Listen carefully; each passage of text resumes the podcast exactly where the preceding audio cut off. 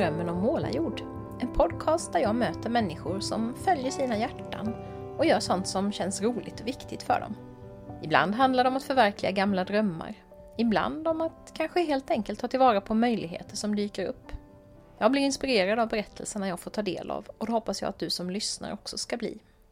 Idag är vi framme vid avsnitt 13 och det blir lite annorlunda än de flesta av de andra avsnitten. Den här gången tar jag lite större plats i samtalet än jag vanligtvis gör. Ni som har hängt med från början kanske minns att jag i första avsnittet pratade med min kollega på livstid, Sara Norby Wallin. Hon var just då i startgroparna för att satsa på sitt företag lite mer på allvar. Nu kommer Sara tillbaka några månader senare för att tillsammans med mig prata om året som har varit och året som ska komma. Vi har båda två under några år runt årsskiftet jobbat med ett material som heter Unraveling the year ahead och som är skapat av Susanna Conway. Det här är en ganska tjock lunta med sidor där jag går igenom mitt föregående år, reflekterar över vad det har gett mig i form av utmaningar, gåvor, lärdomar, speciella minnen och så vidare. Jag funderar över sånt som vad jag är redo att släppa taget om och inför det kommande året väljer jag ett ord som ska fungera som en sorts ledstjärna, vägleda mig i mina val och beslut. Sen jobbar jag vidare med andra ord som stöttar mitt ledord. Och så får jag massor av frågor, rubriker och uppgifter för att stimulera reflektion och visioneringsarbete inför året. I år jobbade jag med häftet för tredje gången och jag tycker att det ger massor av inspiration att verkligen få grotta ner sig ordentligt så här. Det tar en stund så man kan behöva avsätta en dag eller några kvällar. Men det är ett roligt, stimulerande och tankeväckande arbete. Sen behöver man absolut inte göra alla delarna i materialet. Var och en kan ju plocka precis det som passar en själv. Om du skulle vara intresserad av att kika på det här arbetsmaterialet så kan du ladda ner det helt gratis på Susanna med H på slutet, Conway som ett ord alltså, alltihop.com. Alltså susannaconway.com. Jag lägger upp länken på webben och Facebook-sidan också.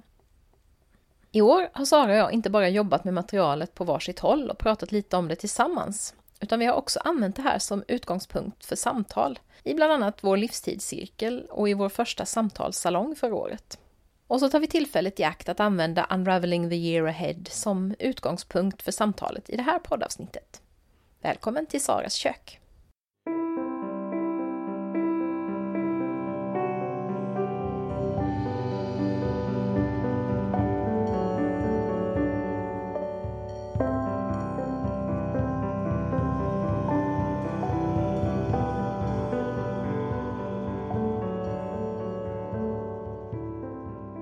Jaha, nu sitter vi här igen i eh, Storkeboda hemma hos Sara som ni fick träffa i det första avsnittet. Och eh, vi tänkte prata lite om eh, vårt kommande år och det året som har varit. Men när vi träffas och jobbar ihop så brukar vi alltid börja med en liten incheckning. Så jag tänkte börja med att fråga dig Sara, hur känns det att vara Sara just idag den 28 januari är det va? 2016?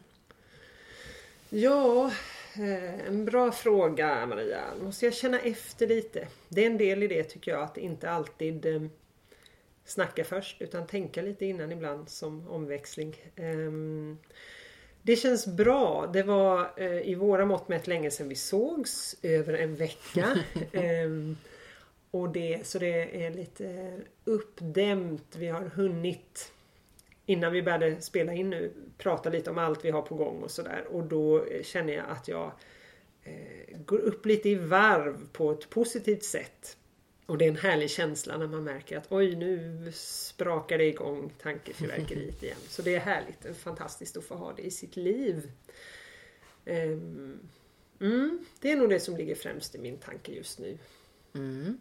Ja, och jag känner samma sak. Det är ju så här, vi har ju blivit lite vana vid att ha varandra hela tiden så. Och just det här att, att det finns alltid någon som, som är beredd att lyssna och att ha en sån kollega är ju fantastiskt härligt. För det är ju inte alltid så på alla jobb att man känner att man kan dela så mycket av den där vardagen med sina kollegor. Så det tycker jag känns jätteroligt. Alltså, som jag sa till dig här förut också att ja, man kan åka hit lite oduschad och i gammal lusekofta och, och så är man liksom ändå på jobbet. Det är en häftig känsla.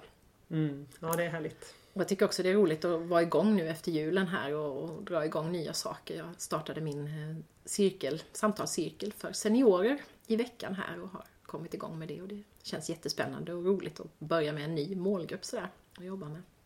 Eh, sen har ju du och jag nu jobbat lite grann redan eh, hittills här i januari med just årsskiftet. Det är ju så att det, det skapar ju liksom möjligheter att tänka lite nytt och, och reflektera lite och så. Det har vi gjort nu i några olika sammanhang. Så vi tänkte att vi skulle dela med oss lite grann av det vi har gjort här idag. Mm. Eh, och vi hade bland annat en samtalssalong här för några veckor sedan, veckor sedan ute i Storkeboda där du bor. Där vi eh, reflekterade, var och en för sig men också i par och i grupp om 2015, eh, vad det har gett oss och 2016, vad vi tänker om det.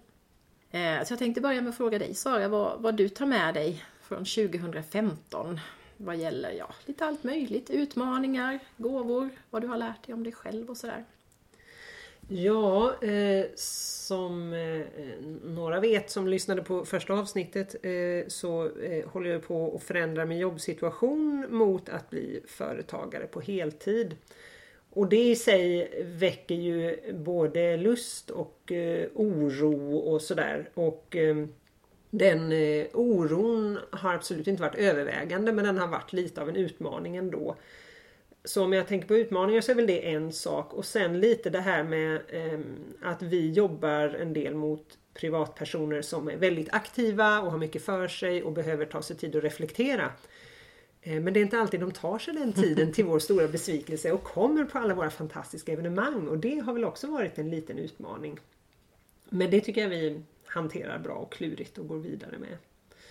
När det gäller gåvor så är ju varje år på något sätt en gåva. Men eh, mycket om, eh, mycket om det här med att ha människor runt om sig som man kan samspela med. Eh, som du säger, man behöver inte nödvändigtvis vara nyduschad men man behöver vara närvarande och öppen och lyssnande och ärlig. Och att både söka sig till det och vara tvungen att vara det, det tycker jag är en härlig gåva. Mm. Ja. Eh, ja, vad jag har lärt mig. Jag har tänkt lite på det, det här just med att eh, att hantera den här oron, att låta den få vara där men ändå hitta sätt att eh, inte låta den ta makten över mig känner jag att jag har kommit lite vidare med. Så det är väldigt, det är ju en gåva i sig. Mm. Tycker jag. Så det är några grejer jag tänker på. Mm. Och det känner jag igen väldigt mycket för jag har också haft ett år, nu har jag ju varit företagare på heltid lite längre än dig. Mm. Och hade väldigt mycket sötebrödsdagar de första åren där när allting bara var en sån där eufori, lite smekmånadskänsla att det är så himla roligt allting och jag har sån frihet och så. Eh, men det har nog lite grann kommit ifatt mig det här året att ja, ja, just det, men jag ska ju försörja mig också. Eh, plus att jag ju bestämde mig här nu i höstas för att ta ett stort steg till. Jag hoppade ju av universitetet då för tre år sedan men nu bestämde jag mig att jag ska också sluta med alla sådana uppdrag som har med mitt gamla liv att göra. Alltså ut och föreläsa för lärare och skriva den typen av böcker som jag har gjort tidigare och så. Eh, hålla kurser, jag har jobbat på Göteborgs universitet för sista gången nu i höst. Och det väcker ju såklart lite oro när man plötsligt ska kasta loss ännu mer och, och, och se om det bär. Men jag känner igen samma sak som du beskrev här, det här att uppmärksamma oron, eh, se att den finns där. Också insett att den kommer vara en del av mitt liv som företagare. Det är ju så, har man inte en fast anställning så eh, Även om det kan hända saker med den, man kan bli uppsagd och så vidare, så, så finns det ju en annan trygghet i det. Naturligtvis. Och det, det är ju viktigt att tänka på, tycker jag överhuvudtaget, när man, när man förverkligar en dröm, att det finns alltid baksidor också. Det är inte alltid bara roligt att göra det man, det man tycker om och brinner för. Det, det finns en, en, annan sida, som vi har tagit upp i några avsnitt här, det här med att man till exempel som företagare måste sälja saker och marknadsföra och så vidare, som kanske inte alls är det man tänkte sig när man, när man hoppade av. Eh, men jag tycker också, jag, jag, känner att jag tar med mig från 2015 att jag har blivit lite bättre på att, att acceptera att så här är det, det här får jag, får jag leva med, men inte låta det äta upp mig. Så det, det ser jag både som en utmaning men som också har lärt mig någonting om mig, mig själv. Att jag kan ha den där oron men, men um, den behöver liksom inte ta över. Den behöver inte hindra mig ändå från att, att göra det där som jag tycker är viktigt och roligt.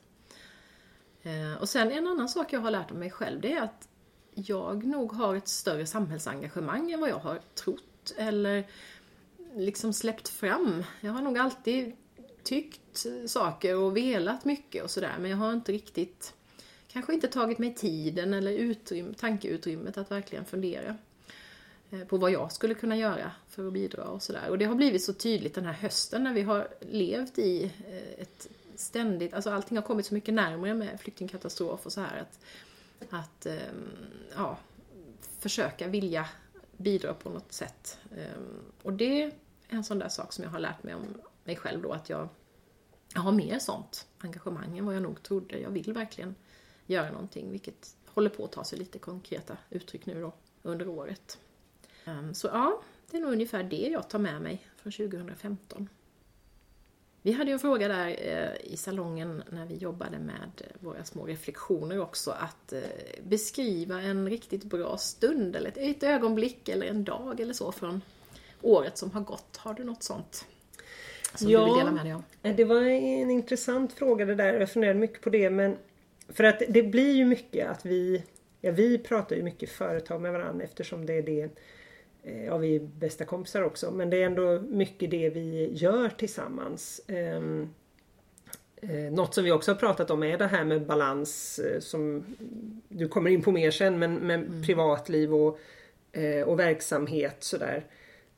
Men då blev jag lite glad när det som dök upp i mitt huvud när det gäller ett ögonblick att ta med sig var faktiskt en stund med min man Per. Och eh, vi knör ju en del precis som alla andra gör och, och kanske inte minst i det här eh, min, mitt skifte till företagare så är han eh, inte den där som hela tiden står och säger Åh det är bra, bara kör och hej och hå utan han är lite sådär skeptisk och fundersam och ska pengarna räcka och hur ska det här bli? Um, men vi hittar mycket närhet ändå och det känner jag är väldigt tacksam för. Så den stund jag hade med mig, jag kände först det är lite för privat det här, men så tänkte jag, nej men det är lite den här, en eftermysstund tillsammans med Per. Efter vad får ni räkna ut själva. Eh, men jag hörde häromdagen nu Niklas Strömstedt, hans tolkning av den här Sov på min arm. Eh, som ju faktiskt beskriver just det. Mm. mm. Fast i vaket tillstånd, det här myset liksom. Och småprat och småskoj och så. Mm. Ja, den och det känner jag nog också att det är något som jag gärna vill plocka fram den aspekten av mitt liv också mm. för att den är viktig. Så den stunden får det bli. Ja, vad mm. härligt. Eh, jag tänkte också på en stund och jag tänkte på en stund som kombinerar det där eh, företagandet och jobblivet med familjelivet faktiskt. Eh, för jag tänkte på en stund när jag satt på ett fik tillsammans med min äldsta dotter. Och vi just hade fått eh, beskedet att vår bok, vårt bokmanus, vårt barnboksmanus har blivit antaget och inte nog med det, att de också vill att Sanna då, min dotter, ska illustrera bilderna där. Och då satt vi på ett fik och så var vi sådär ja, nu ska vi jobba och göra massa tråkiga saker. Jag hade grejer på en kurs som jag skulle fixa och hon hade något tråkigt översättningsuppdrag som hon måste jobba med. Och så kunde vi liksom inte koncentrera oss utan hela tiden var vi tvungna att bryta. Vi drack tekopp efter tekopp och så var vi tvungna att liksom fnissa lite över att vi hade, eh, hade det här tillsammans. Eh, så just den där känslan av extrem samhörighet, att nu har vi ett gemensamt projekt, vilket är jätteroligt. Det är ju lite som att du och jag jobbar ihop det här, mm. att, att ha någon som är, står en så nära eh, och som man får göra saker ihop med. Det kan bli jobbigt säkert också emellanåt, slitsamt och så, men, men ändå att man har någonting gemensamt så att man, man kan jobba men man är ändå tillsammans liksom med någon som man tycker väldigt mycket om. Mm. Och det känns jätteroligt. Så att just den där lite pirriga, härliga känslan av att åh, nu måste vi egentligen göra tråkiga saker, men det går ju inte. För vi måste bara skratta tillsammans över det här roliga. Mm. Så det är en sån stund som jag tar med mig från 2015. Eh, har du någonting sådär som du känner att du är redo att släppa taget om nu, som får stanna kvar i 2015 och bakåt och som inte ska med in i det nya året? Ja, det kan man ju alltid ha ambitioner och tankar om. Jag tror jag skrev det, för vi har ju gjort den här processen ett par år och använt samma underlag som mm. Eh, du berättar mer om säkert. Så och där har det funnits med en del det här med att jag känner att jag ibland tar onödigt stort ansvar för andra i familjen och deras göranden och låtanden och, och sådana där saker. Eh, och så kände jag det att ja, men jag har nog ändå släppt det lite grann. Och det är ju tur det för eh, barnen blir ju större hela tiden så att det är ju ganska naturligt. Men jag tycker nog ändå att det, det går åt rätt håll men jag släpper lite till av det eh, i 2015 tror jag. Mm. Och jag tror också oron för oron. Mm. Oron tar jag med mig, liksom, första graden där. Men oron för att känna oro, den tycker jag känns lite onödig. Så mm. den får också gärna vara kvar eh, förra året.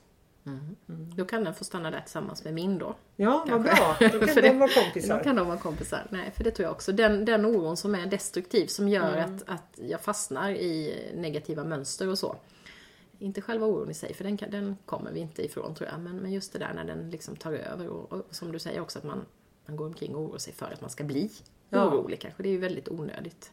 Vi brukar ju prata om det här med att ta ut glädje i förskott. Vi behöver ju inte ta ut oron i förskott Nej. när den inte riktigt är där heller. Nej, och jag känner också det för det, vi har ju en del verktyg med oss, eh, ACT bland annat. Och där just det här med att jag hade någon dag när jag verkligen fick så här bottenkänning och bara så ah, det här kommer aldrig att gå, jag är kass och så vidare. Och det var en sak, men sen var frågan, okej okay, vad är det jag ska göra nu då? Ja, då skulle jag ju mata på med någon viss arbetsuppgift, jag kommer inte ihåg vad. Och, och jag fick mig att fortsätta göra det. Mm. Så vad jag kände var en sak och vad jag gjorde var en annan utan att jag för den skull försökte låtsas att jag inte kände det där. Och så matade jag på med det och sen minns jag att jag skrev Facebook-meddelande till dig att oj nu har badbollen kommit loss från stenen där på botten och bara studsar upp och jag var helt jättenöjd på eftermiddagen mm. där för då tyckte jag att jag var jättebra igen. Och dessutom hade jag ju inte ödslat viktig tid Nej. åt att jag hade känt oro under tiden och jag hade gjort mm. det som jag tyckte var viktigt för mm. att eh, motverka det jag oroade mig för mm. om man säger så. Just det. Och det är viktigt att få syn på de där sakerna mm. Och just det tror jag vi har tränat oss ganska mycket på. Att vi mm. har blivit bättre på att liksom observera, ta ett litet steg till sidan. Mm. Inte så mycket uppslukas av Nej, de där jobbiga känslorna. Utan mm. att de får finnas där, vi ser dem, vi lägger dem i knät en stund. Men vi fortsätter göra mm. det vi vill ändå på något sätt. Sen har vi ju då valt ut varsitt nyckelord för nästa år. Och eh, vad har du valt Sara? Ja, jag har eftersom vi har hunnit eh, hantera det här vid olika, eh, några olika samtalsgrejer och så, så har jag haft verkligen tillfälle att reflektera vilket har gjort att jag eh, faktiskt bytte ord från det första jag kom fram till och det är ju alltid lite spännande och busigt att göra det. eh, men det blev perspektiv och i ett av, en av de samtalscirklar och så där vi har pratat ordet för 2016 så var det faktiskt någon annan som också hade valt det ordet. Mm. Och eh, beskrev ytterligare aspekter av det. Och, och, en del tror jag är just det här att kunna kunna samtidigt som jag sitter där och verkligen är mitt i, i det här fallet, den här oroskänslan så kan jag också skifta lite perspektiv och ställa mig räcker att jag ställer mig borta vid diskbänken där och tittar på mig och tänker okej, okay, vad är det bästa sättet att gå vidare nu? Jo, det är att acceptera oron, inte lägga energi på att trycka undan den, utan att lägga energin på att göra det jag tycker är viktigt. Eh, så det är en aspekt av perspektiv, det här med att både kunna vara närvaro, växla mellan väldigt stark närvaro, som nu när vi sitter här och pratar, och samtidigt distansen i att ja, herregud, vad gör det här om hundra år? Mm. Vad händer om jag inte får mina fantastiska företagsuppdrag som jag vill ha? Nej, men då kan jag väl hanka mig fram ett tag på något annat. Det löser sig säkert. Ehm, så att hitta den, och också i möten med andra, att inte känna mig hotad när någon inte tycker som jag utan mer kunna se det som, åh vad intressant, här har vi två olika perspektiv som vi kan jämföra lite. Mm. Och det blir också en väldigt eh, icke hotfull variant att möta och bemöta andras åsikter. Eh, till en viss gräns i alla fall tänker jag mig att det kan funka. Mm. Så därför är perspektiv mitt ord för 2016. Mm. Ja, jag funderade på vad jag har haft för ord, för som du sa så har vi ju gjort, jobbat med det här materialet eh, ett par gånger tidigare. Och för två år sedan så var mitt ord frihet. Då handlade det mycket om att jag höll på, jag hade precis brutit mig loss och, och eh, från eh, min tidigare eh, karriärbana. Och sen förra året så blev det lust det blev inte något superlustfyllt år, men jag kände ändå att lusten var väldigt bra att ha som ledord, för den fick mig att tänka efter när jag stod inför olika vägval, beslut och sådär. Att tänka efter, är det här någonting som känns lustfyllt eller som kan skapa lust framöver? Så därför tyckte jag det var jättebra att ha det, även om inte det kanske speglade riktigt hur det kändes hela tiden. Det var väldigt mycket som var lustfyllt också. Eh, I år har jag valt balans som är ett sånt där ganska uttjatat, eh, i alla fall i personlig utveckling kretsar, ord. Så jag var lite sådär, nej ska jag verkligen ha det? Men så kände jag att det var viktigt för mig och det är ju jag som laddar det med vad, jag, vad det är för balans mm. jag vill åstadkomma. Och då hittade jag två delar, eller aspekter av det här, två perspektiv skulle man kunna säga. Mm. Eh, och det ena är balans mellan kropp och själ. Jag har varit väldigt fokuserad på själen de sista åren. Jag har eh, ägnat mig mycket åt yoga, meditation, öppnat upp liksom min andliga sida på ett sätt som jag inte har gjort på många år. Vilket har varit jättekul och viktigt för mig. Men jag känner lite grann att kroppen har blivit lidande på det. Den har hängt med på ett annat yogapass och varit ute och sprungit och så. Men det har varit väldigt mycket fokus på, på själslivet och nu ville jag bli lite bättre på att ta hand om min kropp. Och då var det väldigt bra att sätta upp ett sånt där ord, för då finns det liksom där lite grann hela tiden i bakhuvudet. Inte som ett tungt, jobbigt nyårslöfte att nu ska jag gå ner si och så många kilon i vikt eller jag ska börja träna si och så mycket. Men att det liksom hjälper mig att styra mig lite grann i mina val. Så att jag testar lite olika saker nu. Jag har provat ehm, 5.2-modellen här några veckor och känner att ja, men den passar nog mig ganska bra. Lite det där att få lite distans till vad jag äter. Och... Så det är det ena. Eh, vilket innebär, inte innebär att jag liksom slutar eh, ge näring åt själen, det fortsätter jag göra också. Men att få lite, lite bättre balans mellan dem. Och sen är det det där perspektivet som jag har jättebesvärligt med, balansen mellan eh, jobb och privatliv. Därför att jag har ju verkligen kastat loss, jag har kommit in i en jobbsituation som jag älskar. Jag tycker verkligen att det jag gör är så fruktansvärt roligt. Så att ibland så får ju då övriga familjen lite grann stryka på foten för att jag gör roliga saker hela tiden. Eh, och det är väl framförallt min man som blir drabbad av det här. Barnen, de är ju ändå mer på något vis självklara. Så. De, de finns där hela tiden och de ser jag nog mer. Men, men jag skulle vilja ärligt hitta lite bättre, lite bättre balans mellan jobbdelen. Och det här funderar jag mycket kring just nu, hur det ska gå till. För det är ju mm. ändå så att jag vill inte känna att jag hela tiden prioritera bort det som känns allra mest lustfyllt. Eh, till exempel att, inte, att aldrig få sitta på kvällarna och skriva eller hålla på med min podd eller så. Det, jag vill inte vara sådär sträng mot mig själv i detta utan jag vill hit, försöka hitta någon sorts naturlig balans. Att jag, att jag känner lika mycket lust till, till alla delarna på något sätt. Och det har jag tänkt att det här året ska få bli mer av ett utforskarår på det området snarare än att jag ska sätta upp en massa regler och principer för mig. Eh, men det, det, jag grubblar ganska mycket på det just nu. Jag tänkte också att vi skulle avsluta med att prata lite grann om våra visioner för jobblivet. För det är ju ändå så, det är där vi är mycket, du och jag, just nu och tänker. Eh, så vad har du för visioner för ditt företagande det kommande året? Ja, jag pratade senast i förmiddags med eh, personalavdelningen på min arbetsplats för att reda ut formalian kring att säga upp mig. Så det jag var, minns inte exakt var vi var när vi hörde senast men jag tror att jag var antingen hade jag gått ner i tid till bara 20% eller så var jag precis på väg någonstans där. Så det, men det där halvåret jag hade den, har den möjligheten går ju snabbt och jag måste lämna besked innan det är slut hur jag vill göra mm. på min arbetsplats. Men det känns, som att, eh, det känns som att beslutet är fattat att eh, alternativet att, är att gå upp och jobba heltid där och det alternativet känns inte rimligt för då, då släpper jag ju allt det här jag eh, har gett mig in i och byggt upp och sådär. Ehm, men så jag är på väg åt det hållet och det känns ändå väldigt eh, Det känns ändå väldigt tryggt att det är rätt håll. Sen hur besvärligt det blir, det är en annan historia. Men mina visioner eh, är Alltså en av anledningarna till att jag gör det här är att få en mix av många olika saker. Mm. Jag behöver ganska mycket förändring tror jag och jag har jobbat i offentlig förvaltning väldigt länge och jag tror att det är en av de saker som Det händer jättemycket intressant inom offentlig förvaltning men det går inte så fort så ofta. Så att det här med att få en mix utan att vara besvärlig och hålla på att byta jobb hela tiden. Det är en viktig grej i företagandet tänker jag. Så jag ser fram emot det, en mix av att skriva på uppdrag och föreläsa, kortare uppdrag, lite längre uppdrag. Ett, ett pussel och som är rörligt så, det ser jag fram emot. Eh, och att kunna att kunna hitta sammanhang där jag kan bidra och inspirera och också få massa kunskaper och man får väldigt mycket förtroende om man går in och hjälper en arbetsgrupp att hitta sätt att kommunicera och få större arbetslust tillsammans och, och sådär.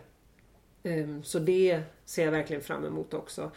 Och sen eh, handlar det ju förstås om att eh, det, jag vill ju att det här också ska gå ihop sig någorlunda ekonomiskt. Det behöver inte gå jättebra första eh, året så men att ändå att ha med den aspekten också. Så jag har tänkt att egentligen skulle jag vilja eh, ännu mer visionera lite på riktigt sådär med Eh, såna här collage och grejer kring det. Men, eh, så jag ska försöka, jag tänker ofta att jag ska göra det när jag går och lägger mig men jag bara somnar hela tiden. så jag, jag, eh, det är inte rätt tidpunkt har jag förstått. Jag får ta det vid något annat tillfälle och bygga lite ännu mer konkreta visioner tror jag. Ja, ungefär så. Ja, jag är ju som sagt då i ett skifte lite grann också eftersom jag släpper taget nu om en massa saker. Vilket skapar ju utrymme att öppna nya dörrar och våga testa nya saker. Eh, Eller framförallt få tiden att göra det. Eh, så att den här podden tycker jag ju är så vansinnigt rolig att jobba med och den vill jag gärna gå vidare med och göra mer saker av så småningom. Jag går och plurar nu på möjligheten att kanske göra någon typ av webbkurs så småningom där jag kan dra nytta av det jag har lärt mig i podden och, och eh, kanske hjälpa andra då som, som vill förverkliga drömmar. Så det är en sån där, ett sånt där spår som jag hoppas på att kunna utveckla under året. Eh, och sen, sen tänker jag ju också att jag vill ju fortsätta med våra livstidsuppdrag. Men vi har ju hittat lite grann också våra inriktningar där. Att du går kanske lite mer mot de större organisationerna och företagen, jag lite mer mot privatpersonerna. Men så möts vi liksom i de där Eh, ställena, eller på de där ställena där vi trivs väldigt bra båda två, som i våra cirklar och kurser och så. Så det vill jag fortsätta utveckla och hitta fler möjligheter till. Och att där också kunna då kanske nischa in mig lite grann mot till exempel pensionärs eller seniorvärlden. Eh, där jag tror att det finns ett väldigt stort behov av samtal och där man inte alltid har de där sammanhangen som man ändå har så länge man jobbar. Då har man åtminstone, om man inte har så mycket vänner så har man i alla fall ett ett yrkesmässigt sammanhang och, och vistas i och, och så. Som man kanske tappar då. Eh, så att där vill jag gärna vara ett, ett, ett stöd i det om jag kan bidra där på något sätt. Och det känns kul. Och sen har jag mitt skrivande som har legat lite lågt ett tag nu. Jag hade en, en liten boost-månad i november när jag körde igång med en novellsamling som jag hoppas att jag ska bli färdig med under våren och kunna skicka till förlag. Och så ska jag plocka upp den där romanen också och försöka få någon att förstå att den måste ut ja. i världen. Ehm, så att eh, ja, det är lite sådär ladda om liksom. Eh, när man har lagt mycket energi i någonting och det inte blev någonting av sådär så, så måste man ladda in det med lite mm. ny energi och det känner jag att det börjar snart bli redo att göra. Jag har inte varit det, jag har varit lite sådär bara less mm. på att det inte blev någonting. Men jag ska göra ett nytt frest med det nu har jag tänkt. Mm. Och så också jobba vidare med barnboksbranschen som jag känner att det ska bli jätteroligt att ge sig in i lite mer på allvar och lära känna andra barnboksförfattare och så. Det verkar vara ett härligt gäng på det här förlaget som vi har blivit antagna på. Så, så det är en del av min vision att, att um, förstärka författardelen av mig själv mm. lite mer som jag tycker att jag har tappat bort lite grann kanske det sista halvåret eller så, eller året. Jag kom på en grej till där just kring visionen att den är, kan vara lite lös i kanten. Men jag känner verkligen mycket vad det är just när du nämnde det här med att företag och så att jag riktar mig lite mer. Eh, jag brinner verkligen för att man som anställd i en organisation ska kunna känna att man kommer till sin rätt så mycket som möjligt. Så att den, den mänskliga aspekten som ju är inte en utan många i organisationer med, med kommunikationen, med eh, att känna sig sedd, att verkligen få bidra fullt mm. ut. Jag ser som potential i det både för människorna men också för prestationer och resultat och sån här hårdvara. Mm. Och där, alltså där känner jag att det, det går jag igång på verkligen och känner att det, folk ska kunna längta till jobbet. Eh, man ska kunna känna att det är kul att vi är många på den här arbetsplatsen. Det är inte bara att det är jag och en massa besvärliga människor för då har man missat något. Då har man mm. fel som Kai Pollak säger. För att då har man inte hittat ingångarna till varandra och sätten att samarbeta. Så där finns en tydlig, det är som en liten sträng som man kan, jag kan plinga på på mig själv och så kommer hela jag i svängning. Så att få bidra där det är verkligen en, en, någonting jag vill och ser fram emot. Mm. Och det här tycker jag är så roligt att vi, vi hittar liksom våra gemensamma nämnare och vi jobbar vidare med dem och sen så ja, jobbar vi med våra olika spröt och där kan vi stötta varandra. Så det är ju någonting som vi har pratat om tidigare i podden också, just att vara två är ju väldigt roligt. Man behöver inte göra allting tillsammans, man behöver inte tycka lika om allting.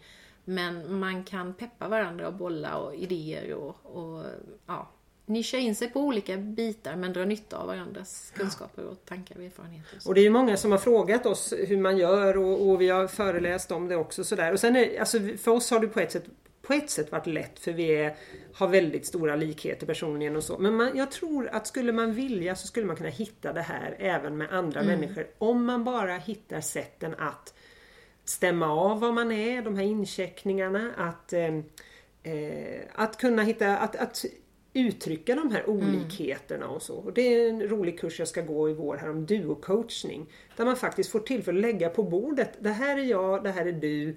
Eh, hur kan vi fläta ihop det här? Vad ska vi göra tillsammans? Vad ska vi göra var för sig? Mm. Vem av oss ska göra vad om man jobbar ihop på något sätt?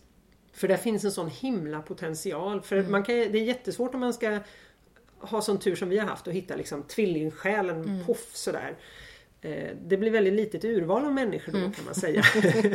och få som lyckas med det. Men jag tror att genom att vi kanske fick den ingången tror jag att vi har hittat eh, vi hade inte hållit på så här länge tillsammans om vi inte också hade hittat sätt att ta oss förbi när, det liksom, när vi drar åt olika håll och, och kanske är väldigt lika i vissa sammanhang eller olika. Så där, ja, mm. där finns en del att hämta. Precis. Jag tänkte också på vårt, vi har ju ett sammanhang, eller flera sammanhang egentligen, där vi har parat ihop oss med några andra mm. personer Absolut. som också vill jobba med att utveckla sitt, det har ju varit med fokus på det professionella livet också. Och det är ju också en sån där sak som, som egentligen vem som helst kan göra, men det kräver att man lite grann tittar utanför det vanliga eh, umgänget kanske. Det kanske inte mm. är de allra närmaste vännerna man ska vara med och det kanske inte är kollegorna på jobbet om man nu är anställd. För det kanske inte alltid är så att man kan prata om sina tankar om utveckling där. Det, det bästa är ju om man har en sån arbetsplats som mm. du beskrev där man verkligen kan vara, vara tydlig och bra i sin kommunikation. Men så är det ju inte på alla arbetsplatser. Så att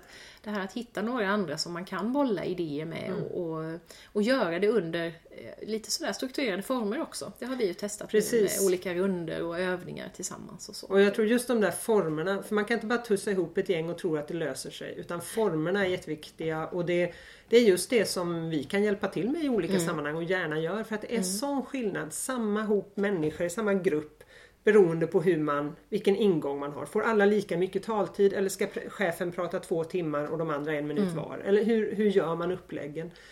Så att där finns jättemycket, jag tycker formen är, där mm. finns så himla mycket kul att hitta på. Och också i familjen har vi ju märkt mm. att det kan ge mycket. Ja, precis. Kul! Då får vi väl återkomma här om ett halvår eller så och se hur det går. Ja, det är med spännande. visionerna, om vi, ja. har, eh, om vi har lyckats komma en liten bit närmare våra, eller vidare på vår, eh, våra livsriktningsvägar. Sådär. Tack så mycket för att du ville vara med i podden. Tack igen, så mycket och välkommen att tillbaka. jag får komma och prata lite då och då. Det ger mig lycka, alltid mycket. Ja, och lycka mm. till nu med allt du ska hitta på här. Detsamma. Tillsammans med mig och på egen hand. Mm. Tack.